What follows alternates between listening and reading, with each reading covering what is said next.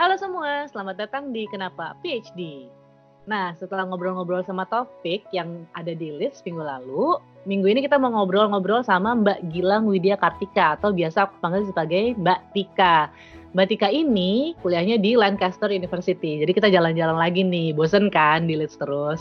Nah, aku kenal Mbak Tika ini waktu kami sama-sama jadi pengurus di PP UK dan Mbak Tika ini menjadi managing director di Rapid. Rapid itu radionya PPI UK gitu deh. Nanti kita ngobrol-ngobrol ya sama Mbak Tika. Aku juga um, agak-agak kurang mengerti. Aduh, aku malu. Maaf ya Bu Alanda, aku lupa Rapid itu artinya apa. Nanti kita ngobrol sama Mbak Tika. Tapi yang jelas Mbak Tika nih yang paling sering kedengeran suaranya lah kalau misalnya kita dengerin radionya PPI UK ini. Terus kayak kalau misalnya ada acara-acara kayak rapat-rapat gitu atau ada event-event. Dan terakhir tuh aku ketemu Mbak Tika waktu LPJ dan Mbak Tika tuh yang ngerekamin berdiri gitu ya sambil pakai handphone. Waktu itu Instagram live gitu-gitu lah kayak aduh Mbak Tika ini memang luar biasa dedikasinya kayak gitu. Gitu. Dan Mbak Tika ini juga sering banget ngobrol-ngobrol di GWK ngobrol brand. Jadi teman-teman kalau misalnya ke ini nih ke Instagram nih ya dan penasaran sama yang namanya branding, bisa uh, cari hashtag GWK Ngobrol Brand. Kita juga nanti tanya-tanya sama Mbak Tika GWK Ngobrol Brand ini sebenarnya apa gitu ya. Karena Mbak Tika ini memang spesialisasi spesialisasinya adalah branding. Karena judul tesisnya sendiri adalah Brand Anthropomorphism and Consumer Brand Relationships. Jadi Mbak Tika ini orang marketing. Kita kan udah ngobrol ya sama Kak Yana, tapi Kak Yana itu dia lebih uh, ngomongin soal customer experience kayak gitu-gitulah. Nah, kalau Mbak Tika nih khusus ngomongin soal branding. Terus habis itu Mbak Tika ini ini ajaib banget sih guys. Mbak Tika tuh S2-nya dua kali dan S1-nya juga dua kali. itu aku tidak mengerti. Itu kalau nggak hobi sekolah, aku tidak mengerti lagi bagaimana mendeskripsikannya. Kita sama Mbak Tika dulu ya. Halo Mbak Tika, selamat sore. Halo Mbak Gembi, selamat sore. Hehe, kenapa PhD? Kenapa tidak? Mbak, manggilnya jangan Mbak Gaby dong, soalnya baru ketahuan kalau ternyata kamu kakak kelas aku dulu. Oh, tapi dulu aku kakak kelas yang baik kan? Yeah. Kayaknya sih baik sih. Jadi guys, ternyata Mbak Tika ini dulu di Labsrau, Cela Labsrau, dan aku juga anak Labsrau. Labsrau tuh Lab School Rawamangun guys, kalau nggak tahu. Kakak OSIS ya Mbak ya? Gaby ini yang megang yang megang Jakarta banget guys megang Jakarta.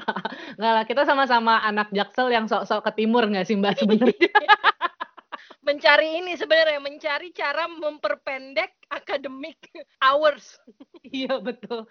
Jadi guys tadi sebelum kita rekaman nih ya Mbak Tika cerita kenapa dia pengen ke lab school. Simple banget guys. Biar hari Sabtu nggak sekolah. Kan banget ya. Aduh, Mbak gimana Mbak? Apa kabar? Aku alhamdulillah baik Mbak Gebi. Gimana Mbak Gebi baik? Aku mau gini-gini aja, nggak berubah. Ini kita rekaman masih dalam ini ya, masih dalam suasana COVID-19. Mudah-mudahan pas episode ini keluar udah selesai semuanya ini. Amin. Udah udah mulai dilonggarkan ya, boleh keluar rumah ya. iya, mudah-mudahan. Guys, sebenarnya gue deg-degan karena gue ngobrol sama managing director dari penyiar-penyiar Rapid. Enggak dong, tenang. Rapid juga dulu eh, banyak yang mantau mbak. Aku kan juga kan nggak ada ilmunya radio sama sekali. Cuma pernah jadi DJ kamu dulu doang waktu SMA. oh wow DJ kamu Prambors ya itu ya kalau nggak salah. Yo. Seru banget. Oh my god. Tapi itu banyak banget gak sih kayak anak lab school yang masuk DJ kamu atau apa pun zaman-zaman Prambors dulu itu tuh kayak ih anak lab school Rawamangun tuh super gaul. Gue ngerti lagi. Iya jadi jadi cewek hai ya zaman dulu ya. Yoi, cewek ya pokoknya semua lah majalah gadis lah apalah kayak anak lab school tuh kayak huh, gitu. Kunci. Ya rapid tuh apa Mbak? Aku tuh lupa deh. Tadi mau cerita malah kayak ada Payah. Rapid gitu. itu sebenarnya benar, Kak. Kamu tadi udah benar. Rapid itu radio PPI UK. Cuma kita kasih nama Rapid biar lebih terkena uh, terkesan apa ya ear catchy lah gitu. Dulu ada tagline-nya tuh Mbak, Rapid okay. the Spirit of Indonesia. Gitu. spirit of Indonesia. Terus kalau GWK ngobrol brand nih apa nih Mbak? Kalau GWK ngobrol brand itu bukan kita ngobrol di Garuda Wisnu Kencana, bukan. GWK ngobrol brand itu teman-teman kalau misalnya wah ini jadi ajang promosi. Mohon maaf ya Mbak Gebi ya.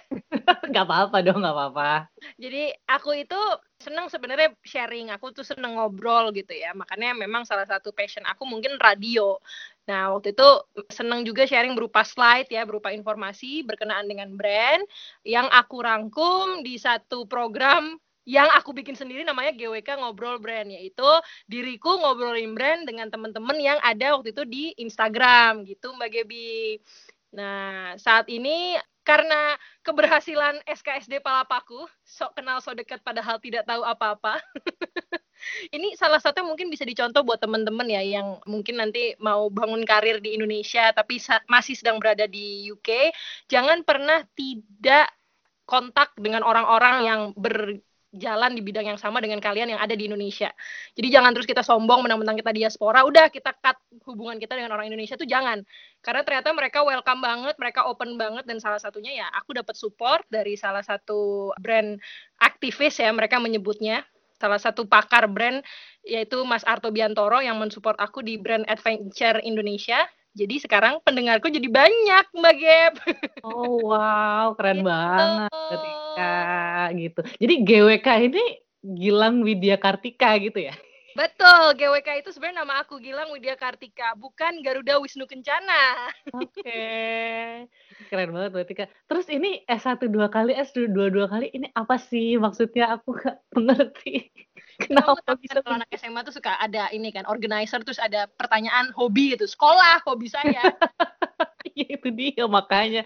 Ngumpulin ini, sertifikat. Ngumpulin sertifikat. Ini mending sertifikat Mbak, ini mah ngumpulin ijazah dong. Ini. Ya, ya, ya, ya. Aduh. S1-nya apa aja dan S2-nya apa aja, Mbak? Nggak ngerti deh aku.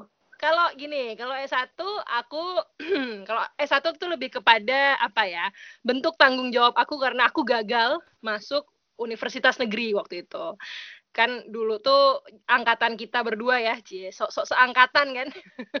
Biar apa reduksi umur sedikit di angkatan kita tuh kalau masuk universitas negeri itu udah kayak yang the best of the best lah pada masanya gitu. Walaupun sekarang menurut aku tergantung ilmunya. Kalau ilmunya memang tersedia di universitas swasta dan why not gitu kan. Aku dulu masuk universitas 2 itu untuk membayar kemalasan dan ketidak tanggung jawabkan aku kegagalan masuk universitas negeri. Satu itu Trisakti aku ngambil ekonomi tapi nanti specialty-nya itu di marketing juga di bisnis. Nah, yang kedua itu dulu universitasnya universitasnya baru buka, Mbak Gap. Namanya Universitas Bakri. 2008 baru jadi Universitas Bakri. Sebelumnya adalah sekolah tinggi. Sama bisnis juga. Jadi aku sekolahnya dua, jurusannya mirip-mirip dan tesisnya pun sama. Maksudnya bukan sama sama judulnya ya. Judulnya pun berbeda, cuma uh, majornya sama marketing gitu. Tapi kalau S2 ceritanya itu lebih kepada kecelakaan. Kenapa saya bilang kecelakaan? Karena waktu saya S2 itu kan uh, S1 udah nih Trisakti Bakri udah selesai, terus saya apply masuk MMUI, keterima nih MMUI. Ketika saya di MMUI saya baru apa ya, muncul passion untuk yang namanya ngajar. Jadi saya kayaknya wah memang akhirnya yang saya cari-cari selama ini tuh passion saya adalah ngajar which is lecturing. Yang salah satu syaratnya untuk ngajar di universitas di Indonesia itu kan salah satunya adalah S3 kan? Harus punya gelar, gelar doktoral dulu. Nah ketika saya mau daftar gelar doktoral ternyata MMUI-nya tidak diterima jadi uh, waktu aku MMUI daftar pakai ijazah MMUI daftar ke apa namanya beberapa universitas di Inggris itu aku dulu waktu itu langsung maunya Inggris itu ya S3-nya.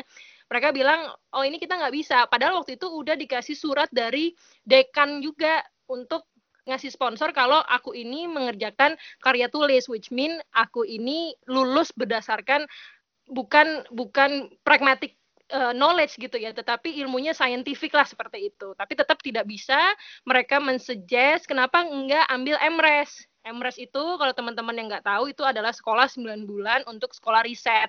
Nah, di saat yang sama ada du ada dua pilihan nih, MRes atau sekolah lagi jurusannya brand leadership di Norwich. Aku mikir, ya udahlah daripada gue sekolah lagi yang riset gitu ya. Ah, waktu itu mikirnya aduh agak bosen gitu ya kalau cuma riset aja 9 bulan why not ambil sekolah lagi yang memang ada penjurusannya yaitu branding. Di situlah aku bertemu cintaku yang namanya branding ini. Gitu ceritanya.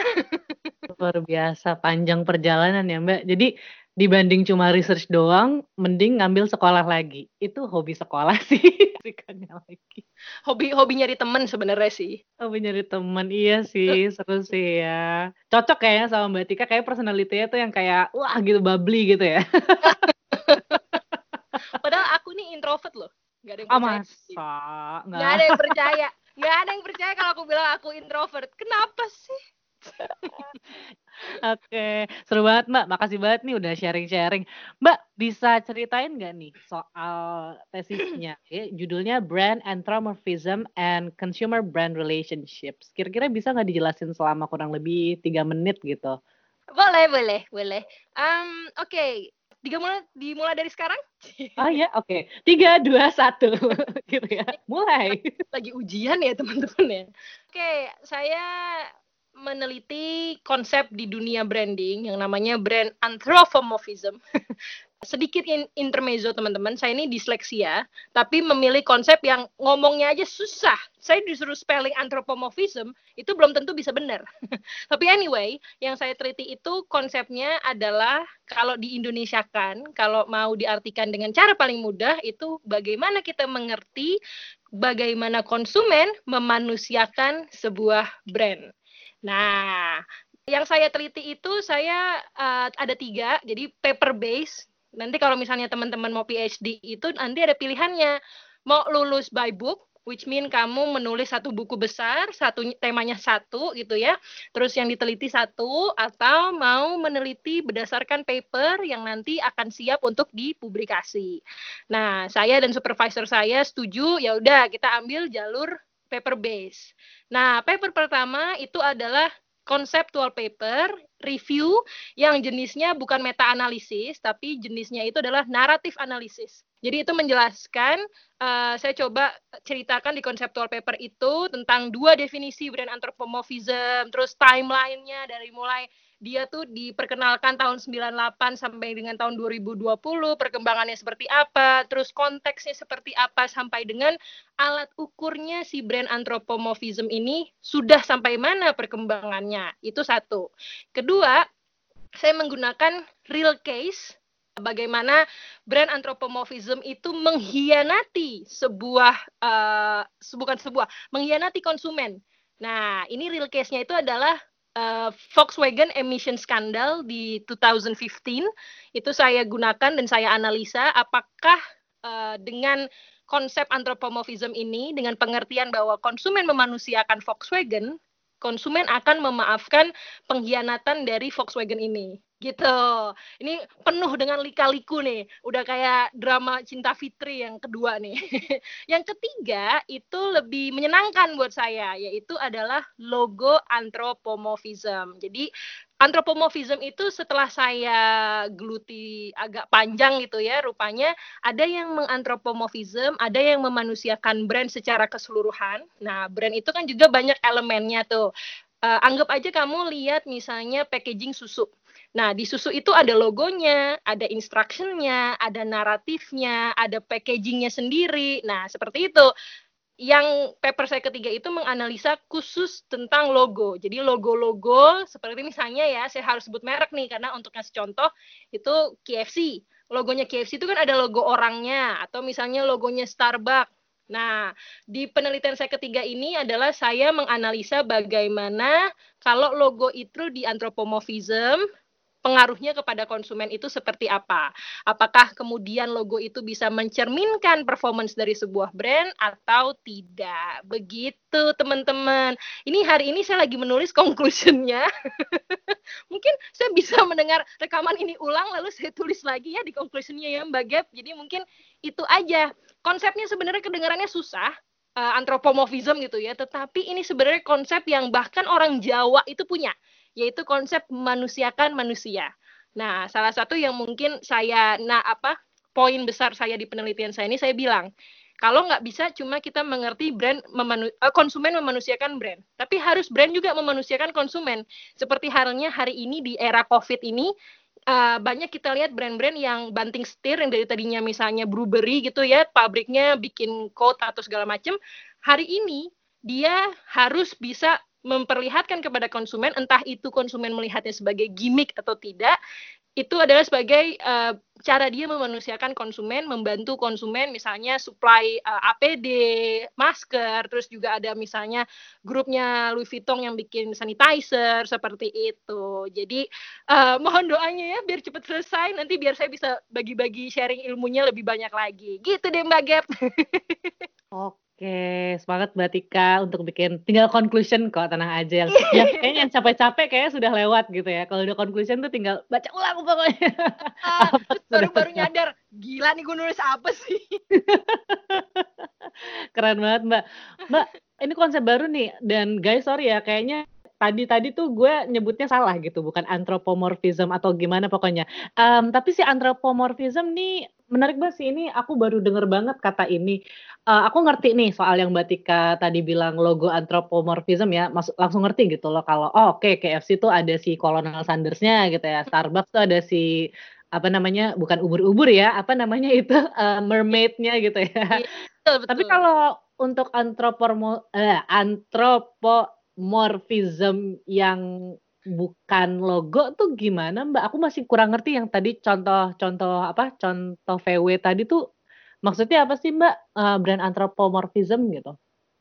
Jadi gini Mbak Gap, anthropomorphism itu kalau saya boleh jelasin ya, uh, ilmu marketing itu ilmu yang multidisciplinary. Jadi ilmu yang biasanya minjem juga dari ilmu-ilmu lain. Nah, kalau konteksnya itu consumer behavior seperti yang sedang saya teliti, itu biasanya kita sering pinjem ke ilmu psikologi. Dan anthropomorphism itu adalah salah satu konsep yang kita pinjem dari uh, social psychology. Nah, kalau uh, di marketing sendiri asal mula asal mulanya anthropomorphism itu dibahas itu ketika ada peneliti namanya Fournier 1998, cie, tahu umurnya eh tahu tahunnya. hafal ya, hafal ya. Tahu. Karena udah terlalu lama kita baca itu lagi, itu lagi. uh, beliau itu mencetuskan konsep yang namanya consumer brand relationship beliau mencetuskan bahwa ternyata bisa loh konsumen itu memiliki hubungan dengan sebuah merek. Di dalam penelitiannya Fournier itu juga dijelaskan Mbak Gap bahwa hubungannya dengan hubungan konsumen dengan brand itu macam-macam. Ada sebagai teman, ada sebagai kekasih, ada sebagai kakak, adik, keluarga, ada flirting, ada apa namanya cheating gitu ya macam-macam. Nah, konsep si anthropomorphism ini lahir dan dicetuskan di dunia marketing, dikatakan bahwa untuk konsumen bisa memanusiakan yang namanya merek, berteman dengan merek, atau menganggap merek itu sebagai teman, dikasih nama, disayang-sayang. Kayak misalnya nih ya, kita punya mobil ya. Mobil itu kalau di Inggris, hampir semua orang Inggris memberi nama kepada mobilnya. Nah, saya nggak tahu kalau orang Jakarta kebanyakan mungkin mobil tuh buat dijual lagi. Tapi biasanya ada penelitian yang membuktikan bahwa setiap orang itu akan memberi nama mobil pertamanya. Nah, itu jadi seperti itu. Kalau brand secara keseluruhan itu dimanusiakan oleh konsumen, contohnya adalah pemberian nama gitu. Nah, kalau Volkswagen itu kasusnya yang saya teliti itu lebih kepada jadi gimana nih kalau misalnya konsumen itu Volkswagen seperti uh, jenis mobilnya tuh kayak Volkswagen Beetle. Itu kan didesain sedemikian rupa sehingga dia punya uh, desain mukanya nih, desain tampak depannya Volkswagen itu kan lucu banget ya, gemesin banget depannya gitu. Nah, apakah itu bisa mempengaruhi persepsi konsumen bahwa si Volkswagen itu punya kriteria seperti halnya manusia? gitu. Nah, kalau memang dia merasa konsumen itu merasa iya ada, ah, apakah persepsi itu akan berpengaruh dengan kemauan konsumen memaafkan apabila uh, brand seperti Volkswagen ini bikin salah gitu. Jadi kalau secara keseluruhan tuh seperti itu Mbak Gap. Bisa dari apa namanya personalitinya, bisa dari personanya, bisa juga dari misalnya itu uh, desain produknya. Biasanya sih desain ya, bisa dari cara dia berbicara misalnya di sosial media. Sosial media sekarang kalau misalnya teman-teman lihat, kalau ada brand yang udah mengerti konsep ini, mereka biasanya berbicara dengan konsumennya itu dengan bahasa yang bahasa antara manusia ke manusia. Jadi bukan bahasa antara perusahaan ke manusia. Jadi sudah semakin linear lah kita dengan brand. Seperti itu. Mudah-mudahan menjawab ya. Oke, menjawab banget, Mbak. Aku jadi keinget sih ngomongin apa memanusiakan brand nih kayak zamannya waktu itu perang um, satu kubu uh, kendaraan umum dengan satu kendaraan umum lain ya, yang satu warna biru, satu warna hijau di Indonesia. Oh, iya, dan, iya, waktu, iya. dan waktu itu tuh yang benar-benar bikin terharu gitu kan, yang bikin kena sama konsumen adalah waktu si kubu biru ini ngeluarin, ngeluarin iklan yang kayak ya benar-benar dimanusiakan gitu kan orang-orang yang yang mengendarai um, kubu biru itu. Jadi kita jadi kayak punya walaupun kita sekarang lebih banyak condong me me menggunakan yang hijau-hijau, tapi yang biru-biru ini jadi kayak, "Oh iya dulu aku punya memori bersama yang biru-biru ini," gitu-gitu ya, Mbak, ya? Oh, so sweet. Oke, deket banget ya berarti sama sama kehidupan kita yang lagi Mbak, uh, Mbak Tika teliti sekarang? Betul, dan kalau misalnya di sini ada pendengar orang Jawa, itu ilmunya orang Jawa sebenarnya. Oh, gitu ya? Ya, ya, urip orang urip apa-apa gitu. Saya pernah pernah pernah baca. Dan memang uh, orang Jawa itu ya ada prinsipnya. Mungkin orang-orang bukan Jawa juga punya prinsip yang sama gitu ya saya rasa. Tapi karena saya orang Jawa saya pernah pernah tahu pernah ngerti kalau itu konsep itu ada udah di Indonesia tuh ada eh, gitu. Oke Mbak, seru banget nih sharingnya. Uh, kalau misalnya teman-teman mau tahu lebih lanjut nih soal branding, mungkin bisa ya ke masih di Instagram Mbak ya, atau ada di platform lain gitu sih GWK oh, Ngobrol Brand saya cukup pakai Instagram dulu aja mbak. Instagram, oke. Okay. yeah. Jadi hashtag GWK ngobrol brand ya guys. Kalau misalnya pengen tahu lebih lanjut, ini nih, wah oh, ini menarik banget sih. Karena aku sempat ngeliat nih kayak presentasi-presentasi singkat di storynya Mbak Tika tuh kayak kalau orang bikin brand tuh bahkan nggak cuma apa ya nggak cuma produk tapi kayak orang sendiri juga bisa oh si ini brandnya adalah yang seperti ini gitu-gitu karena aku ngeliat pokoknya aku inget ada ada Bu Susi aja di situ ya aku itu lagi ngomongin tentang personal branding teman-teman. Yang personal branding tuh. Jadi kayak branding tuh nggak cuma buat barang doang, tapi bisa sampai hal-hal lain ya mbak ya? Betul, brand itu macem-macem. Ada agama bisa kita branding, ada klub bola, ada orang gitu ya, macem-macem. Oke, thank you banget nih Mbak Tika. Nah Mbak, sekarang kita mau ngobrol-ngobrol soal yang lebih personal nih kalau misalnya Mbak Tika tidak keberatan. Pertanyaan pertama nih, ini pertanyaan yang selalu dipertanyakan kali ya. Tapi tadi kayak sih udah kejawab sih, kenapa Mbak Tika mau PhD, karena Mbak Tika emang passionnya mau ngajar gitu ya. Apakah passion itu masih ada? Pertanyaannya mungkin itu. ini one million dollar question ini. uh, kalau pertanyaannya apakah masih ada? Masih, masih banget. Kalau enggak saya nggak mungkin bikin GWK ngobrol brand juga sih.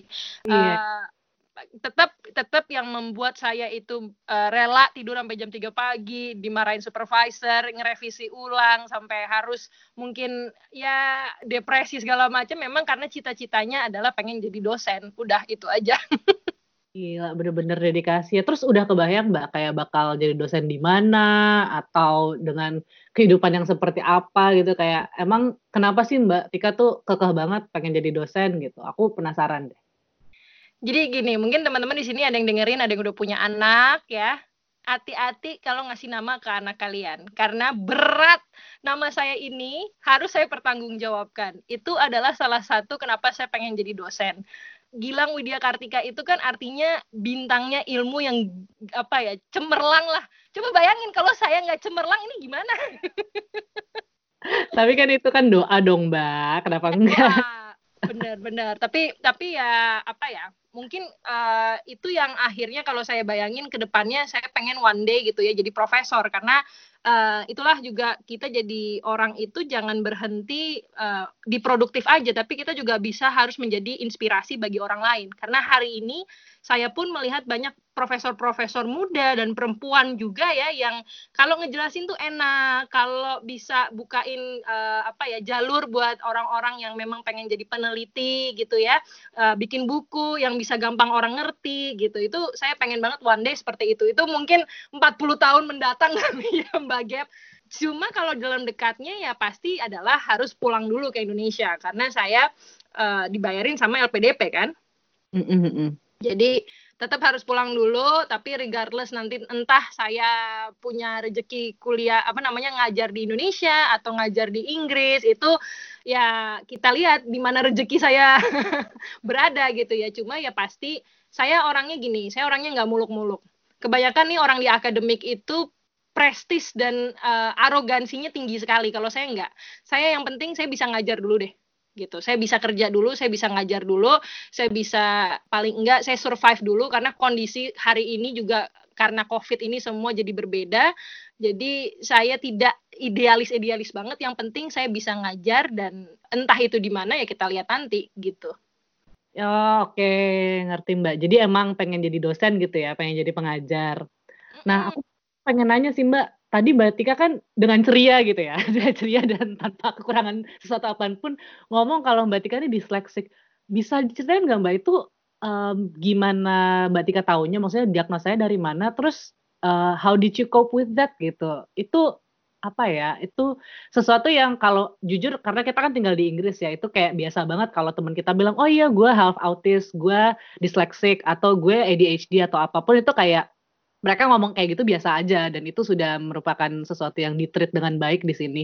Tapi kalau orang Indonesia bisa dengan terbuka ngomong kayak gitu, gue masih kayak wow gitu kan. Nah itu itu gimana tuh Mbak? Bisa cerita nggak Mbak sharing sharing soal hal itu gitu? Uh, jadi ini uh, sebenarnya ada juga waktu saya tahun kedua mau ketiga itu uh, kalau boleh jujur itu tahun bener-bener uh, bloody year ya kalau kata orang Inggris ya.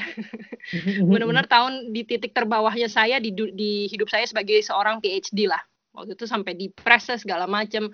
Nah, rupanya memang ada dua hal yang in denial di dalam diri saya yang nggak nggak pernah didiagnosa secara klinis, yaitu ADHD dan dyslexic gitu. ADHD-nya sih sebenarnya nggak terlalu mengganggu, mengganggunya di dalam uh, masalah uh, fokus dan masalah energi saya yang nggak bisa habis. Ibaratnya orang tuh energinya 1 sampai 100, saya 150 gitu.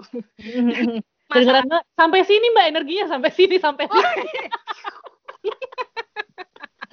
nah, itu dia. Tapi orang ADHD itu juga gini Mbak, kalau ceria-ceria banget, kalau lagi depres itu depres banget gitu. Bukan bukan bukan bipolar ya, bukan.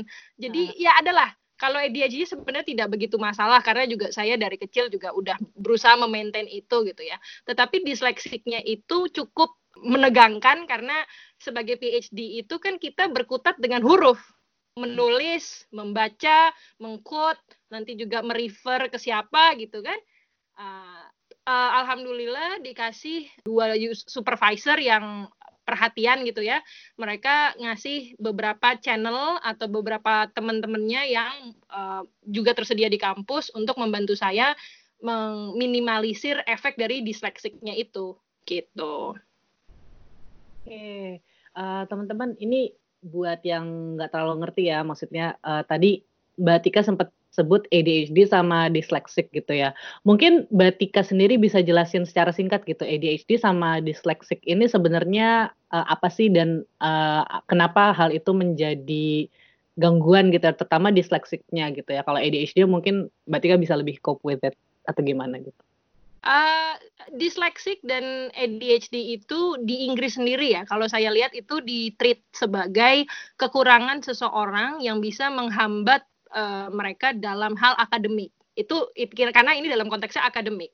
Uh, dalam arti kata, kalau dyslexic itu adalah kemampuan dalam hal mengerti kata-kata, menuliskan kata-kata seperti itu. Mungkin saya juga bisa bisa juga salah gitu ya, karena mungkin di sini ada yang dengar ada orang psikolog segala macam. Kalau salah, correct me if I'm wrong. Tapi seperti itu. Kalau ADHD itu attention deficit di sayanya itu lebih kepada kalau saya itu orang normal bisa pay attention sekitar sejam saya 10 menit udah syukur alhamdulillah. Tetapi kalau saya suka sama sesuatu, itu bisa lebih dari berhari-hari saya bisa pay attention tentang itu.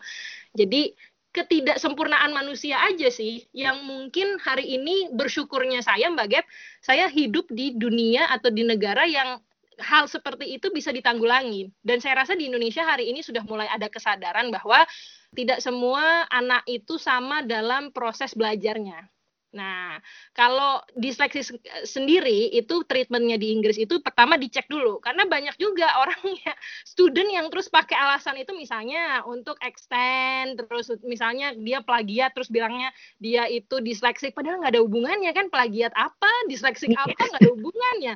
Tapi namanya namanya student kan kita tahu sendiri. Terus uh, setelah di setelah didiagnosa ya kemudian itu dicari treatmentnya Nah, treatmentnya itu saya memang menjadi harus belajar lebih lama daripada orang lain. Dan saya harus ngecek tulisan saya itu berkali-kali lipat dibandingin orang lain. Dan memang saya butuh bantuan orang lain. Jadi misalnya saya punya teman, saya punya sahabat, saya punya saudara, saya punya keluarga. Itu saya harus utilisasi lah. Saya harus gunakan benar. Begitu saya selesai nulis, udah saya cek 10 kali Mbak Gap, itu aja mereka masih nemu kesalahan dalam menulis. Gitu. Hmm. Tetapi uh, saya memakai culture Asia di sini. Bahwa saya nggak mau kalau orang Barat itu kan maaf ya saya nggak begitu cocok dengan budaya Barat yang mengatakan ya udah kamu kurang kamu accept dan ya sudah kamu kamu kamu apa ya namanya ya kamu itu diperbolehkan untuk menjadi orang yang kurang. Sedangkan orang Asia kan tidak. You have to deny it that that if you're not perfect gitu kan. Dan saya memakai itu gitu. Saya bilang enggak kok saya tidak akan menjadi orang yang uh, tidak bisa berprestasi cuma karena saya punya dua kekurangan ini gitu aja sih Wah gila deg-degan. Eh, karena kalau nah. kalau kalau kalau ditanemin di kepala gitu, oh ini kekurangan saya nih, orang harus mengerti gini gini gini gini nggak akan bisa jadi orang.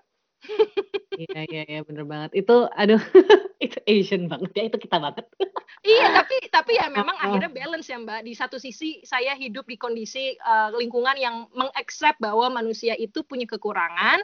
Di mm -hmm. satu sisi saya besar dengan orang-orang yang kekurangan itu harus uh, kita kita kita minimalisir efeknya agar kita bisa tetap jadi orang yang ya uh, komplit ya bukan sempurna komplit gitu. Oke. Terus ini Mbak, uh, didiagnosanya tuh pas kapan? Pas sudah di UK atau memang Mbak udah tahu dari lama atau kayak gimana gitu? Saya SMA untuk disleksik udah pernah ada yang ngasih warning. Saya mm -hmm. kecil ADHD itu sudah ada ngasih warning. Waktu itu nggak okay. treat secara klinis karena sembari sejalannya waktu kan harus dilihat tuh dipantau gitu kan. Mm -hmm. Nah, rupanya mungkin ya Eh, yang akhirnya waktu tahun kedua saya PhD itu karena ketika saya lagi down banget kan orang juga bingung kan kok nih orang bisa sekolah dua survive cum laude performanya tiba-tiba kok turun what's going on gitu. Nah ini bagusnya Inggris itu dicari bener. Nah ini salah satu juga notes buat teman-teman yang punya anak kalau misalnya anak kalian tidak berprestasi please jangan bilang mereka bodoh jangan. Karena pasti ada yang salah sedikit aja yang salah sama diri mereka. Entah mungkin dia punya skoliosis matanya buram misalnya mungkin ADHD dan disleksik gitu ya. Jadi saya selalu bilang itu sama teman-teman saya yang punya anak uh, Mbak Gap karena kasihan anaknya kalau terus uh, begitu dia nggak perform dia dibandingin sama orang lain mereka akan jadi depres banget kan kasihan. oh ya oke. Okay. Wah makasih banget ya Mbak Tika udah bisa sharing soal hal ini gitu ya karena ini sesuatu yang apa ya aku rasa tuh perlu banget lah orang-orang itu tahu gitu ya teman-teman tahu Thank you banget ya Mbak Tika ya. oh, aku juga sama-sama loh. Pertanyaan terakhir nih Mbak Tika. Um, Mbak Tika kalau misalnya bisa balik lagi nih ke masa-masa sebelum Mbak Tika mulai PhD, ketika udah tahu nih, oh oke okay, gue bakal di Lancaster dengan pembimbing ini, dengan judul ini segala macem. Kira-kira ada nggak hal-hal yang Mbak Tika ingin sampaikan gitu ke Mbak Tika pada masa itu? ini another million dollar question nih. Bagus banget ini Mbak Geb ya acara podcastnya Cie. uh, deep talk Mbak, deep talk. uh, kamu calon Oprah Winfrey ya? Oprah Winfrey. Uh, ini iya, iya. pertanyaannya iya. bagus banget nih. Uh, kalau saya boleh balik gitu ya, ada mesin waktu gitu ya, terus bilang ke diri saya yang dulu, saya cuma mau ngomong, uh, it's not an easy life. It's not gonna be easy. Nobody gonna say that is easy. No one gonna help you except yourself. Tapi yang jelas satu, manusiakanlah teman-teman kamu yang sampai saat ini membantu kamu dengan tulus gitu ya. Yang kedua, ya manusiakan diri kamu juga gitu. Jangan terus ketika kamu jatuh, depres dan nanti suatu hari misalnya kegagalan itu datang lagi dan lagi dan lagi, it's okay. It's just a bad day, not a bad life gitu kan. Yang ketiga ya harus uh, mungkin agak sedikit ditampar jangan sering-sering rebahan. harus lebih rajin daripada hari ini karena memang aku cuma mau ngasih tahu ke diri aku lima tahun yang lalu PhD itu berat jadi kalau kebanyakan rebahan, ketinggalan nanti kamu nggak berprestasi seperti hari ini. Itu aja sih. bilangnya mungkin jangan banyak-banyak rebahan karena ada satu saat di mana semua orang harus rebahan sedunia gitu ya.